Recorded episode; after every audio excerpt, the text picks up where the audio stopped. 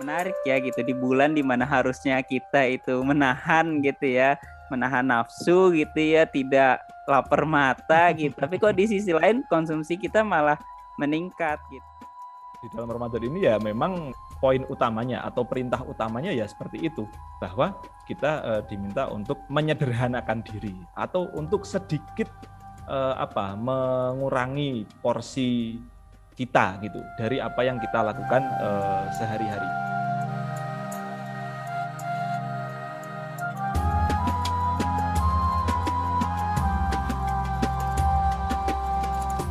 Assalamualaikum warahmatullahi wabarakatuh. Jumpa lagi kita di podcast Ramadan Vibe, podcast edisi khusus Ramadan persembahan dari KBR, Islami.co dan juga Greenpeace Indonesia. Saya Indra Saputra yang akan menemani kamu di podcast Ramadan Vibes episode kali ini. Wah, udah masuk hari kesekian ya kita berpuasa, makin mendekati hari raya juga nih. Gimana nih? Ibadah puasa kamu. Mudah-mudahan puasanya lancar, uh, mendapatkan berkah, banyak perubahan baik juga yang diperoleh di Ramadan tahun ini. Nah, di edisi kali ini saya nggak cuma ditemenin sama ustadz atau ustazah aja nih seperti biasanya. Tapi kita juga akan ditemenin sama salah satu organisasi lingkungan yaitu Greenpeace Indonesia. Ada apa nih antara Greenpeace dan juga podcast Ramadan Vibes? Nah, kalau teman-teman tahu nih ya, uh, banyak banget perubahan yang terjadi di lingkungan kita selama bulan suci Ramadan ini berlangsung. Sayangnya, nggak semua perubahan itu positif.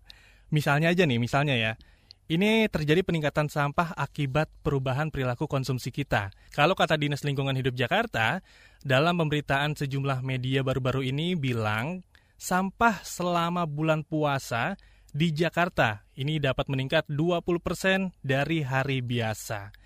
Selain sampah makanan, peningkatan juga terjadi pada jenis sampah plastik sekali pakai. Ini bisa dibilang uh, ironi ya, karena nggak semua orang menyadari kalau ini adalah sebuah perubahan yang buruk.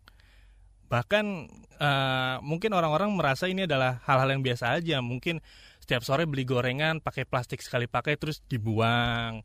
Uh, nongkrong, bukber, buka bersama, beli kopi pakai cup yang plastik sekali pakai dibuang. Nah, tapi sebenarnya ada loh hal-hal yang bisa kita lakukan untuk memperbaiki ini semua. Apa aja hal yang bisa kita lakukan untuk memperbaiki ini semua? Kita akan membahas uh, tema kita di episode kali ini yaitu berpuasa mestinya tidak menambah sampah. Bersama narasumber yang sudah tergabung bersama kita. Yang pertama ada Mas Muharam Atta Rasyadi, Juru Kampanye Urban Greenpeace Indonesia. Halo Mas Atta, Assalamualaikum, apa kabar?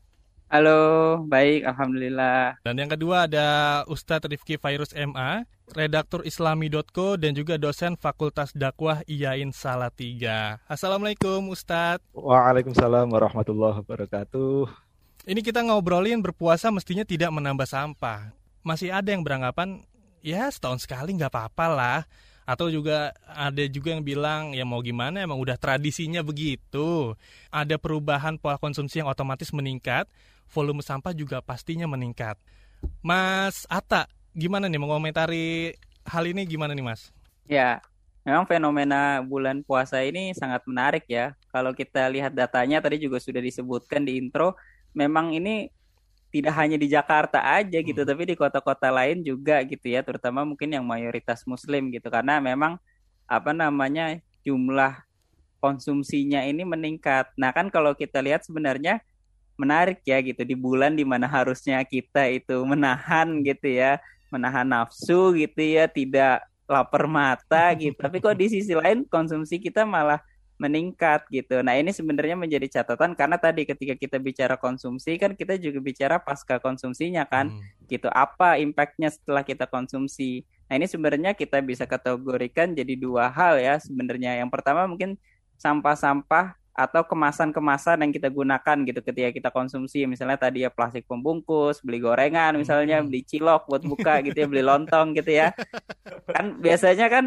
apa namanya ya entah itu buat sambelnya buat sausnya atau memang buat gorengannya itu sendiri kan dan yang kedua juga kita bicara sampah makanannya sebenarnya yeah. ini kan sebenarnya banyak juga ya kita temukan misalnya apa namanya ternyata belinya berlebihan, Hmm. akhirnya tidak dimakan, akhirnya dibuang gitu. Mubazir. Sedangkan iya benar mubazir. Sedangkan kita kalau misalnya bicara dalam konteks pengelolaan sampah ya, belum punya sistem yang mumpuni nih Hmm. untuk misalnya mengelola sampah makanan, untuk mengelola sampah plastik iya sudah mulai ada gitu, tapi memang masih sangat terbatas gitu. Jadi ini sangat sangat kita sayangkan gitu. Makanya biasanya di bulan puasa Greenpeace kita juga eh, apa namanya membawa cerita-cerita narasi gitu ya berkampanye soal bagaimana kita juga memanfaatkan bulan puasa ini ya ya mungkin kita harus meningkatkan ini ya ibadah gitu Iya. spiritualitas gitu apa ibadah vertikal kita tapi jangan sampai justru ada aspek lingkungan yang dikorbankan gitu. Iya, salah satunya konsumsi yang berlebih itu iya juga sih ya. Mungkin kita nggak sadar kalau perbuatan kita itu adalah menunjukkan kalau di Ramadan tahun ini kita melakukan perubahan yang buruk ternyata. Nah kalau dari Mas Virus nih Mas, sebetulnya gimana sih Ya. adab yang diajarkan Islam terhadap pola konsumsi selama selama Ramadan? Ya, eh, saya ingin menggarisbawahi bahwa di dalam bulan puasa ini eh, garis besarnya, secara umum orang itu mengetahui bahwa puasa ini kita menahan diri dari hawa nafsu, dari perbuatan keji, perbuatan kotor dan lain sebagainya, yang itu eh, bisa membatalkan puasa kita. Tapi sebenarnya ya, yang menarik adalah di bulan puasa ini kita itu disuruh atau diperintah untuk menahan diri dari perkara yang sebenarnya halal.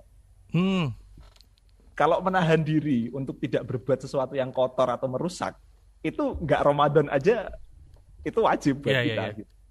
Tetapi kalau di Ramadan ini bahkan kan analoginya bahkan makan dan minum yang sifat dasarnya itu adalah mubah atau diperbolehkan gitu kan. Ya ya dong makan minum itu kan hukum dasarnya boleh gitu. Nggak ada halal, nggak ada haramnya. Baru ada halal haramnya ketika ada klausul syarat tertentunya Hmm. ada. Gitu. Tetapi kita sebenarnya diminta atau diperintah untuk menahan diri dari perbuatan yang sebenarnya halal. Makan yang sebenarnya halal, oh kita eh, menahan diri dulu gitu kan. Minum yang halal kita menahan diri dulu gitu. Apalagi hal-hal yang sifatnya merusak kan gitu kan. Di dalam Ramadan ini ya memang poin utamanya atau perintah utamanya ya seperti itu bahwa kita eh, diminta untuk menyederhanakan diri atau untuk sedikit eh, apa mengurangi porsi kita gitu dari apa yang kita lakukan eh, sehari-hari. Salah satu contohnya juga misalkan ketika Rasulullah SAW itu mencontohkan atau meneladankan ketika kita berbuka hanya dengan tiga butir kurma. Nah, misalkan kayak gitu kan. hmm. Mungkin kalau orang sekarang ya karena ada tren soal uh, hijrah, terus kemudian ada tren untuk apa namanya kembali ke sunnah yang semirip mungkin dengan Nabi itu kan ya kita berbukanya dengan kurma juga. Hmm. Tetapi banyak juga para ulama yang berpendapat, terutama juga ulama-ulama yang ada di Nusantara atau di Indonesia yang berpendapat bahwa sebenarnya ya kesunahan makan kurma itu kalau di sini ya makan yang sederhana, makan yang lokal aja dan makan yang sedikit kan. Hmm. Kurma itu kan lokalnya kampungnya Nabi kan Iya. gitu. Kalau kampungnya kita ya lokalnya bisa apa kayak singkong, kayak pisang goreng, kayak Bakwan, bakwan. Malah ngomongin makanan. Pesan pentingnya sebenarnya kan ini untuk menyederhanakan diri. Gitu. Iya. Ya kembali lagi ke awal bahwa untuk melakukan hal yang halal saja kita diminta untuk sedikit menahan diri gitu dan sedikit mengurangi porsi umumnya kita di sehari-hari gitu. Nah, eh, saya kira juga termasuk dalam konsumsi untuk konsumsi apa pun ya. Eh, baik itu misalkan entah eh, sampah plastik ataupun bahkan eh, fashion misalkan kita ya sebenarnya diminta untuk sederhana aja. Hmm. Esensi puasa saya kira itu. Tapi sebenarnya Islam melarang atau enggak sih Mas Eh, perilaku konsumtif gini? Kalau perilaku konsumtif, konsumtif memang larangannya adalah pada aspek berlebihannya. Hmm. Di dalam surat eh, Al-A'raf ayat 31 itu kan eh, disebutkan bahwa kulu washrobu wala tusrifu. Makan boleh, minum boleh. Kamu melakukan hal-hal yang sifatnya naluriah manusia mencukupi kebutuhan itu boleh. Tetapi di belakang ini kan wala tusrifu. Eh, tidak boleh untuk berlebih-lebihan atau jangan berlebih-lebihan. Dan ada makalah juga yang nah, salah satu makalah yang sangat terkenal bahwa innal mubadzirina kanu ikhwanu syayatin. Sesungguhnya orang-orang yang apa suka mubazir, suka ngebuang-buang Hmm. itu atributnya ngeri loh, atributnya itu saudaranya setan loh, nggak main-main.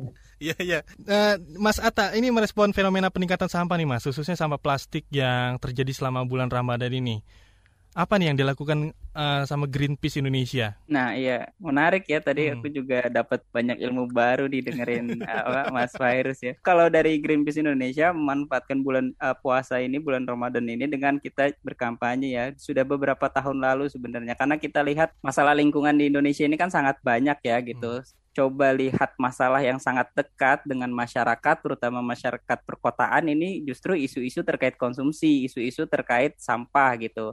Dan bulan puasa ini menjadi momen yang tepat karena tadi justru ternyata ada lonjakan gitu ya, kenaikan uh, sampah dan tingkat konsumsi selama bulan puasa gitu.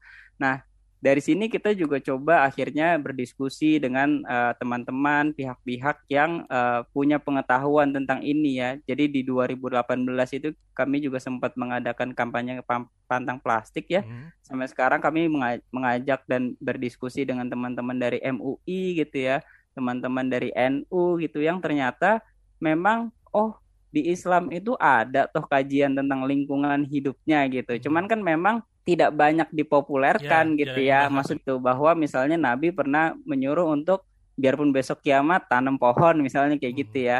Atau misalnya tadi bahwa ya berbuka puasa secukupnya aja misalnya dengan kurma gitu. Dan saya juga senang sih gitu ketika kami memulai kampanye ini dan sekarang juga kami sedang menjalankan kampanye Ummah for Earth ya, gerakan global dengan berbagai gerakan dan organisasi seperti Islamic World Relief, uh, Green Faith gitu ya.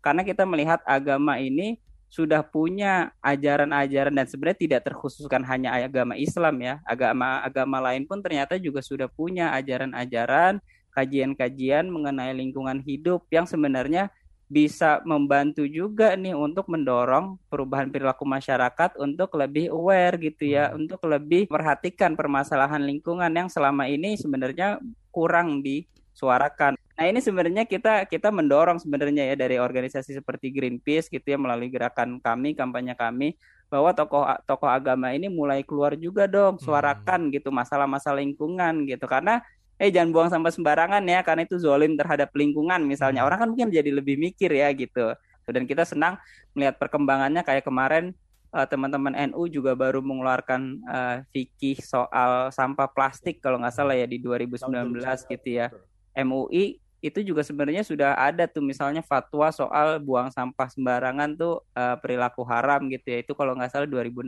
atau 2017 gitu. Tapi memang lagi-lagi ya kurang populer gitu hmm. dibandingkan ajaran-ajaran lainnya. Ini campaign yang keren banget sih. Nah, ini langkah-langkah sederhana seperti apa nih yang bisa uh, diambil tiap individu untuk bisa ambil bagian dalam upaya menekan peningkatan sampah plastik selama Ramadan, Mas Ata? Misalnya kan kalau di bulan puasa kita beli beli apa namanya takjil gitu ya apa makanan untuk berbuka puasa yang ketika misalnya lagi nggak bukber ya di rumah kan biasa kita beli di sekitar kita kan hmm. kita bisa bawa wadah kita sendiri gitu hmm. ya kalau misalnya ada yang berpendapat oh nggak apa-apa tenang aja plastik tuh bisa didaur ulang kok gitu hmm. ya tapi secara teori sebenarnya plastik-plastik ini untuk didaur ulang dia itu kondisinya harus kering dan bersih gitu ya hmm. karena nggak sesederhana akhirnya tumpuk-tumpuk sampah plastik terus dia bisa didaur ulang gitu misalnya abis beli cilok gitu sama saus-sausnya kan nggak bisa didaur ulang tuh plastiknya udah udah, udah kotor, sama ya. saus sama, sama segala macem gitu kan ya dan ini yang menyebabkan juga kenapa akhirnya tadi ya salah satu tingkat daur ulang di Indonesia itu rendah karena hmm. sampah kita tuh tercampur dan kotor gitu ya, hmm. terutama sampah-sampah basah, sampah-sampah sisa makanan yang tidak memungkinkan akhirnya untuk didaur ulang gitu. Mungkin itu sih. Jadi kita bisa mulai dari hal-hal sederhana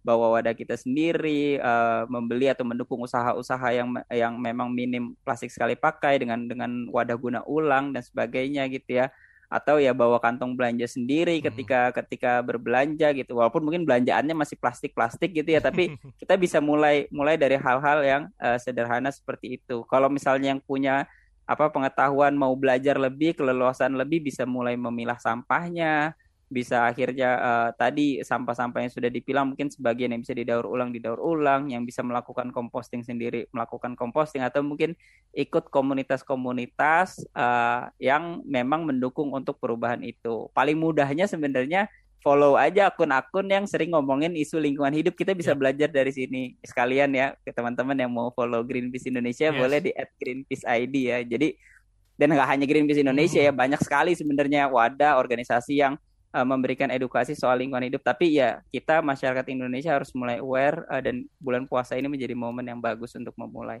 Yang namanya perubahan, kita mencoba untuk berubah menjadi lebih baik berubah ke arah yang positif untuk lingkungan emang nggak nggak gampang dan nggak instan. Pasti kita akan menemui tantangan. Nah, maka dari itu, mari kita tantang diri kita untuk bertindak demi kebaikan bumi kita mulai dari Ramadan tahun ini dan seterusnya. Kamu juga bisa bergabung nih untuk memulai aksi kamu. Langsung aja cek info lengkapnya ke akun Twitter dan juga Instagram Greenpeace Indonesia dengan keyword hashtag Ummah for Earth. U-M-M-A-H 4 Earth atau juga bisa ke hashtag dare to act. Nah, ini dari tadi kita ngobrolin uh, soal sampah plastik nih, uh, Mas Virus. Ini kan plastik utamanya kemasan plastik uh, sekali pakai yang dari tadi kita bahas. Disebut bisa membawa bahaya bagi kelestarian lingkungan. Bagaimana sebaiknya kita sebagai umat muslim merespon hal ini, Mas Virus? Ya, uh, jadi bagi umat muslim sendiri ya, karena sebenarnya kan kita sudah tahu soal nilai-nilai yang ditanamkan. Orang dari kecil aja saya kira semua atau hampir seluruh umat muslim yang ada di Indonesia dari kecil itu pasti udah tahu dengan yang namanya uh, salah satu hadis an-nadhafatu minal iman gitu bahwa kebersihan itu adalah sebagian dari iman.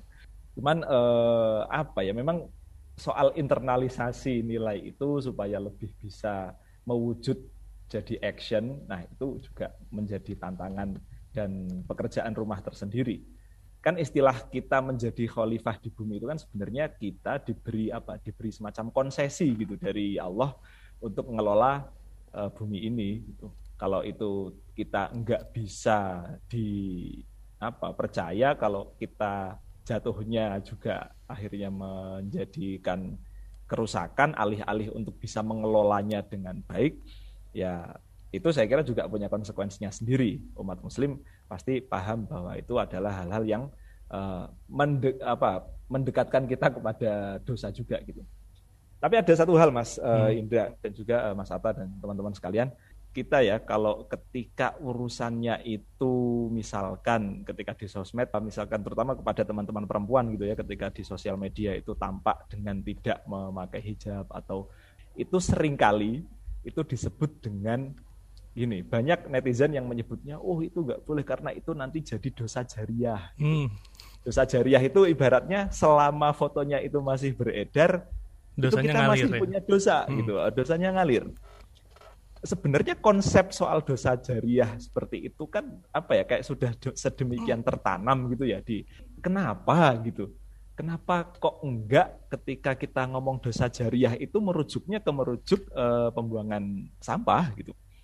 Karena gini, ada satu hal yang menarik masih dari terkait fikih e, sampah plastik itu atau fikih lingkungan itu analoginya itu juga hampir sama kayak dosa jariah. Ada satu polemik atau satu ya satu hukum satu polemik yang saat itu dipersengketakan ketika di masa uh, Imam Al Ghazali. Saat itu ada satu polemik besar ketika ada seseorang eh, ketika dia ada di kamar mandi umum itu dia terpeleset sabun sehingga dia jatuh dan terluka gitu.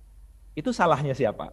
Salahnya orangnya sendiri karena kecerobohannya atau salahnya orang yang meninggalkan sabun di sembarang tempat sehingga terpeleset atau kesalahan dari orang yang dipasrahi untuk menjaga kamar mandi umum itu dikembalikan ke konteks kalau kita buang sampah sembarangan misalkan ke selokan ke sungai ataupun kalau kita intinya ngumpulinnya nggak bener lah gitu nggak bikin uh, manajemen sampah yang bagus gitu. Itu juga kita bisa terkena itu loh gitu.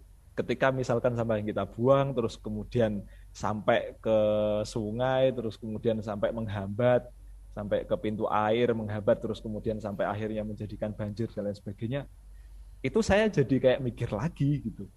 Ternyata gede juga gitu tanggungan kita dan itu dosa yang kita nggak tahu loh gitu. Dan itu yang kayak kita nggak sadar gitu. Ya ngebuang sampahnya kita sadar. Hmm. tapi kan efeknya yang kemudian itu besar banget.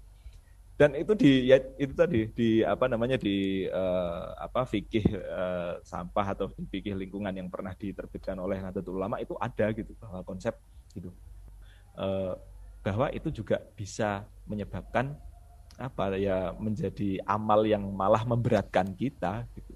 Ya, wow. Ya, mungkin itu Ini sangat menyadarkan ya. Mudah-mudahan teman-teman iya, yang mendengarkan juga, wah iya juga ya.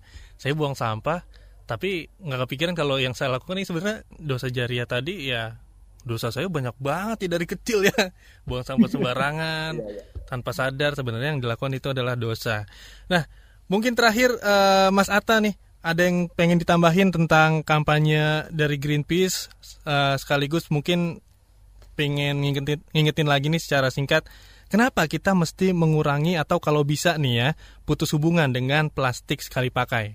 Jadi utamanya kalau kita bicara plastik sekali pakai ini kita bicara uh, kemasan ya biasanya plastik plastik kemasan gitu ya. Kalau Inggrisnya kan single use plastik ya di hmm. Indonesia plastik sekali pakai. Plastik yang didesain dibuat diproduksi itu memang hanya untuk kesenangan sesaat ya gitu ya. Kalau kita bicara perilaku gitu ya untuk single use plastik dan sama plastik buang sampah pada tempatnya ini uh, apa namanya semacam selemah-lemahnya iman gitu ya. Jadi kalau kita belum bisa mengurangi penggunaan plastik, paling enggak kita buang sampah yang benar yeah. dulu gitu ya.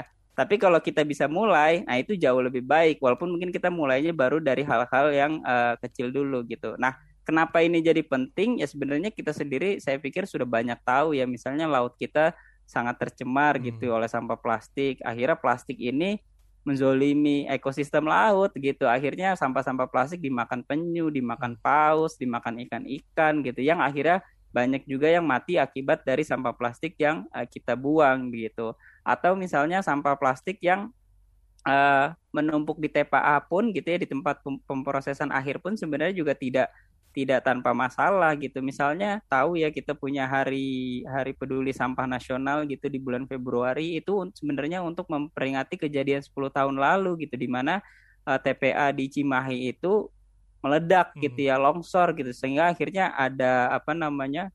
saat itu kalau nggak salah lebih dari 100 orang meninggal ya gitu karena tertimbun sampah gitu. hmm. gitu. Jadi sebenarnya sampah ketika sudah kita buang pun juga sebenarnya tidak tidak berarti masalahnya selesai gitu. Jadi artinya ketika kita bisa mengurangi itu sangat eh, jauh lebih baik gitu. Makanya kalau yang paling sederhana konsepnya kan kita kenal istilahnya reuse, reduce, recycle kan gitu.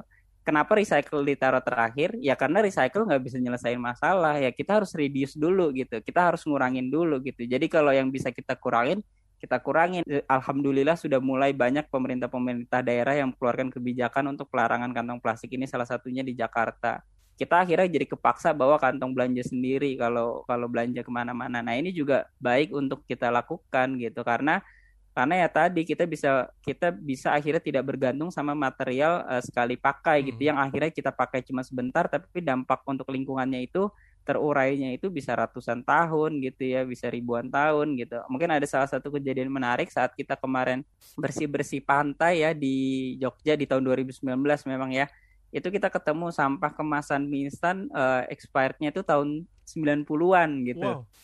Gitu. Masih, Dan masih kondisinya ma masih bagus gitu. Masih kita bisa baca gitu. Oh. Ini bahannya apa, dia diproduksi kapan gitu. Masih bisa kita baca. Nah, ini menjelaskan bahwa ya kalau ada yang bilang plastik ini terurai lama, ya itu contohnya kok gitu. Iya. Memang yeah. bisa jadi kita mungkin buangnya pas kecil, jangan-jangan dia lebih bertahan lama hidup di dunia dibandingkan kita gitu kan. Yang mungkin manusia iya, iya. kalau kalau sekarang kan mungkin 60, 63 hmm. rata-rata ya walaupun usia nggak ada yang tahu ya. Tapi ini sebenarnya yang plastik itu dia stay stay lama gitu ya. Atau adapun misalnya plastik-plastik misalnya yang akhirnya berakhir di laut begitu ya. Itu juga kalau kalaupun hancur juga cuman jadi partikel plastik yang lebih kecil hmm. aja gitu. Jadi tetap plastik, tapi memang kita tidak membatasi ketika kita bicara konteks uh, Islam dan juga lingkungan hidup, tidak hanya konteks dalam plastik sekali pakai gitu ternyata Islam ini agama yang mengajarkan banyak hal. Kayak misalnya mungkin kita pernah ingat juga diajarkan bahwa kalau wudhu itu jangan boros gitu. Hmm. itu sebenarnya ada nilai-nilai lingkungan di situ. Uh, bahkan saat perang saja Rasul nggak boleh misalnya merusak tanaman kayak gitu-gitu kan. Apa ya hal-hal yang sebenarnya sudah ada gitu ya apa namanya insight atau atau knowledge soal bagaimana Islam memandang atau konservasi lingkungan hidupnya itu sebenarnya sudah ada. Cuman ya itu kita perlu perlu lebih mendalami gitu. Kita perlu lebih banyak uh, tokoh agama yang bantu menyuarakan ini gitu karena kita sebagai uh, salah satu negara dengan penduduk muslim terbesar di dunia sebenarnya punya potensi gitu untuk berubah ke arah yang lebih baik gitu berlandaskan nilai-nilai agama yang memang sudah diajarkan. Mungkin itu sih dari saya. Oke, dan mudah-mudahan uh, semua campaign yang dijalanin Greenpeace dan juga teman-teman lainnya yang peduli sangat peduli dengan lingkungan bisa berjalan lancar ya. Teman-teman yang mendengarkan podcast Ramadan Vibe ini bisa punya pencerahan baru ya. Jangan lupa tuh ya untuk kunjungi situs greenpeace.org/indonesia. Di situ kamu bisa banget untuk temuin info lengkap tentang Ummah for Earth dan juga ini katanya ada uh, semacam permainan truth order ya, Mas Ata ya, di tort.ummahforearth.org. Ini saya udah nyoba tadi seru juga ya buat ngisi waktu luang menuju buka gitu. Wah, wah, wah, ternyata seru-seru. Wah, cobain. Mas, nyoba, Mas Fairu cobain. Ini iya, ya. Mungkin Atau teman... bisa cek ini apa Instagram kami aja kami post yeah. di situ untuk yeah. untuk link dan sebagainya gitu. Karena kita mau nantang tadi ya, mumpung bulan hmm, hmm. puasa mulai dari perilaku-perilaku kecil gitu kayak matiin lampu, wudhu yeah. hemat, nggak pakai plastik sekali pakai kayak gitu. Dan dari Mas Virus terakhir mungkin uh, boleh diingatkan atau mungkin ingin kasih pesan untuk teman-teman bahwa gimana caranya kita menjaga bumi agar terhindar dari kerusakan dan agar teman-teman juga tahu dampaknya kalau kita lalai atau abai seperti apa. Mungkin gini, saya akan sedikit memberikan apa insight ya seputar pertanyaan besarnya kan gini bahwa untuk apa sih syariat Islam itu diperintahkan gitu atau untuk apa sih uh, sebuah perangkat hukum bernama fikih itu ditegakkan gitu dalam uh, agama Islam. Kalau mungkin yang selama ini kita tahu itu kan bahwa oh ya untuk menegakkan Islam supaya Islam itu berdiri besar dan bisa menguasai segala lini katakanlah gitu kan. Tapi sebenarnya uh, ada rumusan atau yang apa ya dikategorikan oleh para ulama itu tentang ada sebuah rumusan yang bernama itu syariah atau uh, tujuan Makosid itu maksudnya ya maksud gitu, maksud maksud-maksud dari syariah atau tujuan akhir dari diperintahkannya seperangkat syariah itu untuk apa sih gitu kan? Hifdun Nasl ini yang merupakan salah satu dari tujuan kenapa syariat Islam itu diberlakukan itu adalah untuk menjamin keberlangsungan generasi supaya generasi setelah kita anak cucu kita itu juga terjamin hidupnya masih tetap hidup gitu supaya mereka juga ketika nanti hidup juga masih bisa menikmati apa yang kita miliki sekarang. Nah, itu saya saya mau tekankan di uh, apa di penghujung podcast ini ya, hmm. ya bahwa kita harus menjaga lima aspek tadi agama uh, properti terus kemudian uh, akal sehat jiwa raga sama menjaga keberlangsungan generasi ini itu ayo kita ingat-ingat lagi gitu atau itu kita jadikan concern lagi bagaimana tanggung jawab kita sebagai seorang manusia yang menjadi khalifah di bumi itu. Nah, salah satunya tadi hifdun nasal atau menjaga keberlangsungan generasi gitu. Dengan hmm. ekosistemnya juga tetap kita jaga. Bagaimana sih supaya apa namanya kita juga masih mewarisi tanah yang layak tanam buat anak-anak kita nanti kan gitu kan atau kita masih mewarisi apa ya daerah atau kota yang masih layak dihuni untuk uh, anak cucu kita, untuk generasi kita gitu. Ketika teman-teman ikut bergerak untuk menjaga lingkungan, ketika teman-teman ikut bergerak juga untuk hal-hal yang kecil tadi ya, hmm. mengelola sampah dengan baik, kita lebih bertanggung jawab soal limbah kita, baik limbah diri sendiri maupun limbah rumah tangga ataupun ya ya itu juga teman-teman sebenarnya secara langsung gitu nggak cuma secara tidak langsung hmm. tapi secara langsung sebenarnya Cuman kita nggak kerasa bahwa itu juga merupakan bagian dari menegakkan syariat Islam yang selama ini diajarkan. Iya. Itu, Mas. Terima kasih banyak untuk Mas Atta dan juga Mas Fairuz. Nah, ini untuk teman-teman ya, sebagai seorang muslim nih kita kan tahu kewajiban kita sebelum Allah menguji dan menimpalkan sesuatu kepada kita. Makanya sama-sama kita jaga kelestarian bumi dan mencegahnya dari kerusakan demi keselamatan kita bersama. Kalau tadi kata Mas Virus di bulan Ramadan ini uh, harusnya kita bisa menahan diri dari hal yang sebenarnya halal ya. Kita harus bisa menahan itu semua. Nah, kalau kata Mas Ata tadi, kita bisa terlibat aktif dalam gerakan yang diinisiasi oleh sejumlah LSM. Salah satunya adalah Greenpeace Indonesia. Dan kamu bisa temuin info lengkap tentang Ummah for Earth. Bisa juga cek di sosial medianya Greenpeace Indonesia. Bisa dicari juga hashtagnya, hashtag Dare to Act. Terima kasih untuk Mas Atta dan Mas Virus waktunya. Terima kasih banyak. Sehat selalu. Mudah-mudahan kampanye lancar dan teman-teman yang mendengarkan podcast Ramadan Vibe ini juga bisa terinspirasi juga. Sampai sini dulu perbincangan kita. Terima kasih untuk kamu teman-teman yang sudah mendengarkan selalu setia dengan podcast Ramadan Vibes. Podcast Ramadan Vibes ini adalah kerjasama antar KBR, Islami.co, dan juga Greenpeace Indonesia. Saya Indra Saputra harus pamit undur diri dulu. Wassalamualaikum warahmatullahi wabarakatuh. Sampai jumpa di episode selanjutnya.